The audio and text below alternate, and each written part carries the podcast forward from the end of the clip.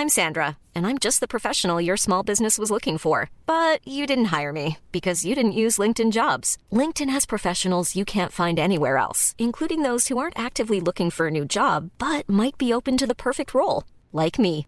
In a given month, over 70% of LinkedIn users don't visit other leading job sites. So if you're not looking on LinkedIn, you'll miss out on great candidates like Sandra. Start hiring professionals like a professional. Post your free job on linkedin.com/people today. Dit programma wordt mede mogelijk gemaakt door Toto. Graag uw aandacht voor het volkslied van de derde helft.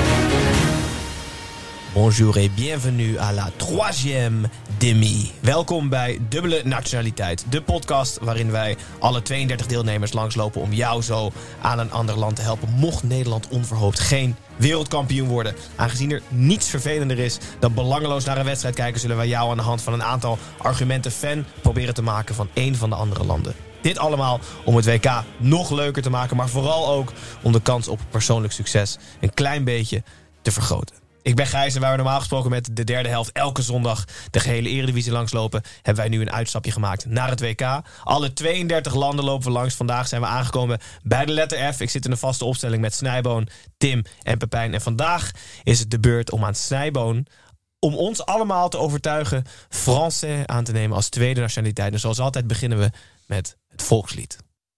Komt kinderen des vaderlands, de dag der overwinning is aangebroken. Tegen ons is de tirannie. Het bloedige vaandel van de tirannie gehezen. Het bloedige vaandel is gehezen. In het Nederlands gaat hij iets minder Laat hem goed. even lopen, ik vind het heerlijk. Praat maar lopen? gewoon door, Snij. Oké. Ik wil, ik wil wel Fransman worden. Eh, jullie denken dat dit het volkslied is van Frankrijk. Mooi zo, dat bedje eronder. Dit is echt Maar mooi, hè? Dit is dus ook het volkslied van Rusland geweest. Hm. Daarna Dan moeten we je hem opzetten. Ja, ja, wacht even. Wat is hier Eh, in hand? 1917 werd de tsaar afgezet in Rusland. En de tsaar was een soort koning. En de uh, Marseillaise is natuurlijk echt een revolutielied. Eh, ooit in Frankrijk ook geweest.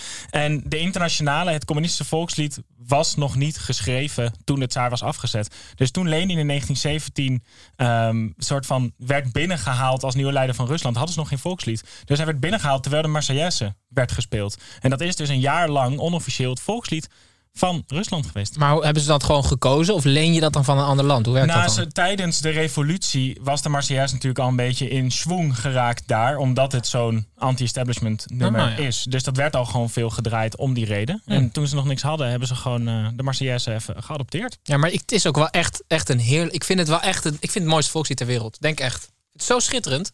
Blijft ook echt hangen. Lekker catchy. Ik denk dat, dat dit op het, eh hoe heet het, Songfestival best wel goed zou doen. Eurovisie. Doe ze Dat is voor jou echt zeg maar, de eis aan een goed nummer. nou, daar zeg je wel wat. Jongens, we gaan we overpakken. Ja, eh, we gaan eventjes kijken naar hoe Frankrijk ervoor staat en hoe het is gegaan met Frankrijk. Eerst even de road to Qatar. Daarna ga ik even een legende aan jullie voorstellen. Een zeer smakelijke derde helft, dan mag ik het zeggen. En Oeh. mochten jullie het Franse eh, burgerschap aan willen nemen, dan heb ik nog een vraagje voor jullie om dat te behalen. We gaan eerst even naar de road to Qatar. Frankrijk was natuurlijk eigenlijk bij het vorige EK gedoodverfde favoriet en werd in de achtste finale uitgeschakeld door Zwitserland. Ja. Eh, terwijl ze nog voorstonden een minuut of drie voor tijd. Eh, dus dat was een grote sof natuurlijk. En er speelde veel binnen de Franse nationale ploeg. Eh, Benzema natuurlijk teruggekeerd. Er is altijd wel wat te doen om Mbappé. En Pogba's broer be- beschuldigt hem van witchcraft. Dus er is altijd wat te doen. Maar ik zat te kijken naar de selectie van Frankrijk. En het is wel echt vals spelen. Ik noem de vijf of zes duurste spelers van Frankrijk. Mbappé 160 miljoen. En Kunku 80 miljoen. Chouameni 80 miljoen. Koundé 60 miljoen. Kamavinga 55 miljoen. Ousmane Dembele 50 miljoen. De oudste in dit rijtje is 25. Dus waar je misschien toen ze wereldkampioen werden dachten... god, dit is wel een hele goede generatie... zijn ze eigenlijk alweer opgevolgd door de volgende generatie. Deze mensen spelen bij Paris Saint-Germain, Leipzig, Real Madrid... Barcelona, Real Madrid en Barcelona.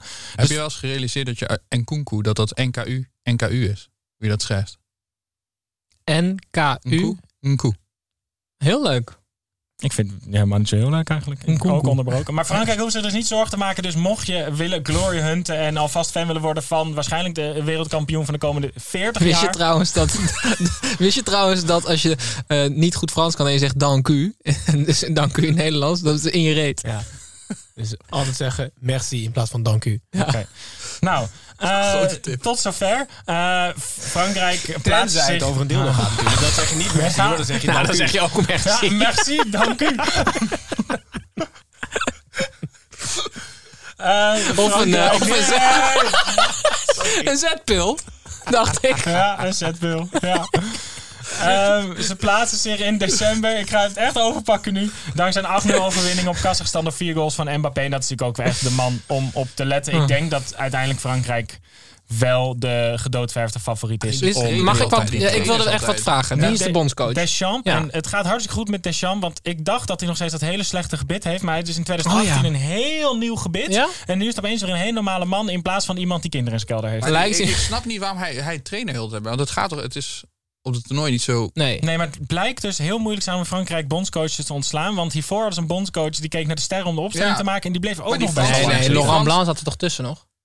Is dat zo? Domenech, Ja, Domenech, ja, ja, ja, ja. Maar die nou, Fransen zijn normaal helemaal niet bang om iemand op de guillotine te leggen. En dan met die, met die Mooi, bondscoaches. eh, Ja. mooi. Zeker. met die bondscoaches eh, Jongens, ik heb een legende en niet zomaar één. Het is best wel lastig om een Franse legende eh, te zoeken. Ik heb er een gevonden die 15 jaar na, 14 jaar nadat hij aanvoerder was van Frankrijk... eh, werd vermoord door een vuurpeloton.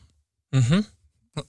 Alexandre Villaplan werd geboren in 1905 in Algerije en vertrok op zijn 16e naar Frankrijk eh, om bij familie te wonen. En daar bleek hij eh, zeer talentvol te zijn. Hij eerst, heeft eerst bij Set gespeeld, daarna bij Nîmes, Paris. En om- in 1926 speelde hij op 21-jarige leeftijd zijn eerste van 26 interlands. Ehm het was in die tijd alleen nog niet, eh, er was nog geen profvoetbal. Dus je mocht niet betaald worden om eh, voetballer te zijn. Ehm Villaplan was zo goed dat ze hem onder tafel wel heel veel geld gaven. Antibes deed dat als eerste. Eh, ze werden ook kampioen. En ze wonnen van Vief. Maar na de wedstrijd bleek dat de wedstrijd verkocht was. En daar is Toen de al. manager van Antibes uiteindelijk voor veroordeeld. Maar duidelijker is dat het Villaplan en twee ploeggenoten waren die wedstrijden verkochten. Maar die zijn daar nooit voor veroordeeld en hebben die manager eigenlijk een beetje voor de bus gegooid. Eh, het was dus best wel een lastige jongen. En hij raakte ook steeds meer bevriend met criminelen. En hij was paardenraces Matthias aan het Pogba. verwedden. En ja, dus een beetje wat je, wat je ziet met Nederlandse voetbal gebeurde in de jaren 20 in Frankrijk ook al. Het was een beetje een rare jongen, een beetje een boef. Ehm, en, en hij ging het criminele leven wat belangrijker vinden dan eh, het leven eh, in, binnen het voetbal. Hij vertrok nog wel naar Nice, hij werd daar ontslagen en zakte weg. En het, eigenlijk het eerstvolgende wapenfeit is dat hij in 1935 werd opgepakt voor fraude bij paardenraces. Maar bij het WK van 1930 was dit dus wel gewoon de aanvoerder van Frankrijk nog. En in 1928 zat deze jongen gewoon in het Olympisch elftal van Frankrijk wat meedeed. Eh, uiteindelijk dus 26 interlands aanvoerder geweest. En het ging echt bergafwaarts. Toen Hoe kan je fraude plegen bij paardenraces? Eh, ja, waarschijnlijk eh, heel veel geld afpakken van mensen door bepaalde paarden slecht te laten rennen of eh, door de jockeys om te kopen. Paarden worden ook wel eens gepakt met doping. Oh ja? Ja. Ehm, toen brak de Tweede Wereldoorlog uit in Parijs. En toen ging het helemaal bergafwaarts met Villaplan. Eh en met een bende van vrienden ehm, ging hij met de Duitsers samenwerken als een soort Jezus. Franse Gestapo. Ehm, ze, eh, ze zochten mensen uit het verzet die ondergedoken zaten. Ze leverden eh, Joodse onderduikers over aan de Duitsers. Die en Villaplan, toch? stalen alles wat los en vast zat. Ehm, en strok op de duur echt een soort van het hele land door. En in 1944 heeft hij zelfs het bevel gegeven om elf mensen te vermoorden. En heeft zelf ook Wat? een van die elf mensen vermoord. Oké. Eh, eind 1944 eh, werden door de, werd door de geallieerden Parijs weer ingesloten. Werd hij opgepakt. En eh, één dag na kerst 1944 werd, werd Villaplan door een vuurpeloton om het leven gebracht. eh, voor samenwerken met de Duitsers. Dus in 1930 aanvoerder van Frankrijk tijdens het WK. In 1944 Wauw. neergeschoten. Ik word er naar van. Ja, Het is wel een Franse legende. Ja, het is wel een legende, Eh, ja. Maar niet op de manier die je misschien zou eh, verwachten. Pickles eh, is er niks bij, zou ik willen zeggen. Ik zat te wachten op Zidane of zo. Maar... Nee, ja, ja, Henri natuurlijk. Ehm, gaan we nog even Wel naar Franse. Franse derde helft. Ja, er zijn natuurlijk heel veel standaard opties. Slakken. Slakken. eh, of of eh, ik heb ook gezocht naar de baguette en de croissant. Maar die blijken Ja. allebei gewoon uit Wenen te komen. Dus dat, dat Oh, ja? mag je niet meenemen. Slakken komen allemaal uit Frankrijk, hè? Speciaal voor Tim kwam ik op de meest stinkende kaas ter wereld. Oh, nee, Oh. nee, Ja. nee, nee. Ehm, Oh. hij heet Kopkaas. Vieux Boulogne. Eh, hij wordt gemaakt van eh ongepassageerde koemelk, volgens mij. En hij stinkt zo ongelooflijk omdat hij eh, wordt gewassen in bier. Eh, een paar maal tijdens het rijpingsproces. Eh, en ehm, Dat zou betekenen dat jij heel erg moet stinken tegenwoordig. Maar het ruikt volgens mensen naar echt iemand die ongelooflijk ongewassen is. Dus het is een hele soort van doordringende, zurige geur die zich meeste van je neemt. En het, zelfs de eh, meest eh, doorgewinterde kaaseters willen deze kaas niet in een afgesloten ruimte eten. Dus mocht je hem ooit kopen... alleen buiten dus. Je moet Boulogne. buiten de wedstrijden van Frankrijk op Ja. groot scherm kijken. Heel Ja. goed, Dan ja. kan je zo'n kaas. trouwens en niet dan meer kan je mag, zo'n kaas eten. Wat? Ze hebben dat verboden. eh, dat op het WK uit te zenden in gro- op grote schermen Ah, ja. buiten. In Frankrijk? Maar je Ja, mag nog wel zelf gewoon een blokje. Vieux Boulogne kopen en gewoon buiten tv Ja, dat mag zetten. hoor. wel. Dat mag Maar wel. houden jullie allemaal van, van die kaas of niet? Oh, Ik, eh, ja, ik vind eh, over het algemeen de meeste kazen wel lekker. Maar hiervan dacht ik wel, gewoon dit is wetenschappelijk bevestigd. de smerigste stinkkaas die er is. Goed zeg. Ja. Ehm, maar je het wel te verkopen, dat Frankrijk. Nou, een moordenaar, gore kaas. Weet je wat het is? Je bij Frankrijk aansluiten is misschien ook wel een beetje de makkelijke keuze. Dus ik wil dan ook wel dat Ja, je een beetje de mindere Ja, kanten ja, van ja, het land ja, ja. meekrijgt. Dat je wel een beetje weet waar je voor tekent. En nu is de grote vraag. Nu is Gaat vraag, een van wil een jullie Frans staatsburger worden? Merci. Jawel. Ja, ja, ik snap dat wel. Benzema en Mbappé, het is Ja, dit is puur met mijn voetbalhart. Is dit, eh, Ja, oké. Ik hoef niet uh, snijbonen. Ik- m- Mijn Canadese eh, paspoort is al half Frans eigenlijk. Dus ik ben ook al half, eh, half die kant op. Maar ik hou mijn Canadese dubbele, dubbele nationaliteit. Eh, Pep, Ja, snij. Ik wil graag van jou weten wie de meeste interlands van Frankrijk ooit heeft gespeeld.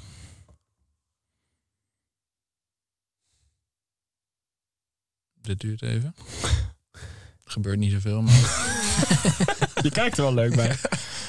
Je zou de, er zitten mensen nu schreeuwend met hun Denk koptelefoon op. Ja, maar ik denk ook dat heel veel mensen denken... Goh, Verkeerd schreeuwen. dit zou ik moeten weten. Maar Ja, ik, dat, als ik- het zeg, denk je wel... ik zit denk oh, ik in de verkeerde, de verkeerde tijd te denken, maar... eh, ja, ik, zei, ik heb net Zidane genoemd, maar die is niet de, de Nee, oké. Turam.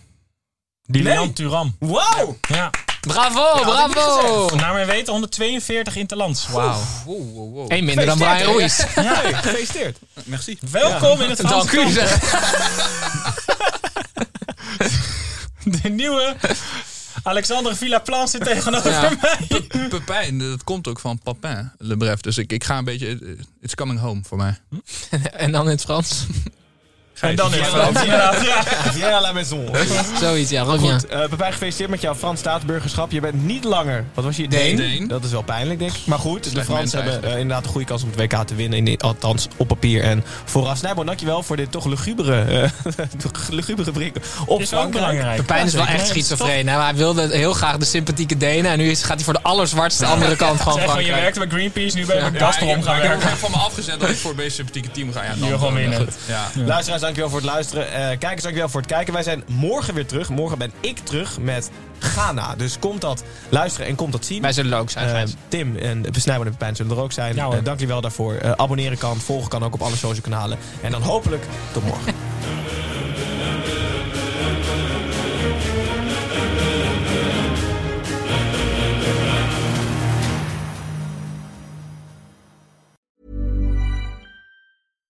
Als je toch de tijd neemt om een podcast te luisteren, dan kan het maar beter je favoriete podcast zijn. En elke maandag in je favoriete podcast-app. Snapt iemand nu dat de podcast ook echt je favoriete podcast heet... en dat het gemaakt wordt door Stefan de Vries, Julia Heetman en Sean Demmers? Waarom praat je over jezelf in de derde persoon? Waarom, waarom, er staat hier Sean Demmers en Julia Heetman. Waarom moet jij nou weer voor mij? Dat ging per ongeluk, Sean. Ja, dat ging per ongeluk. Ja, jezus. Steve, jij moet nog nee zeggen. Oh, nee. Je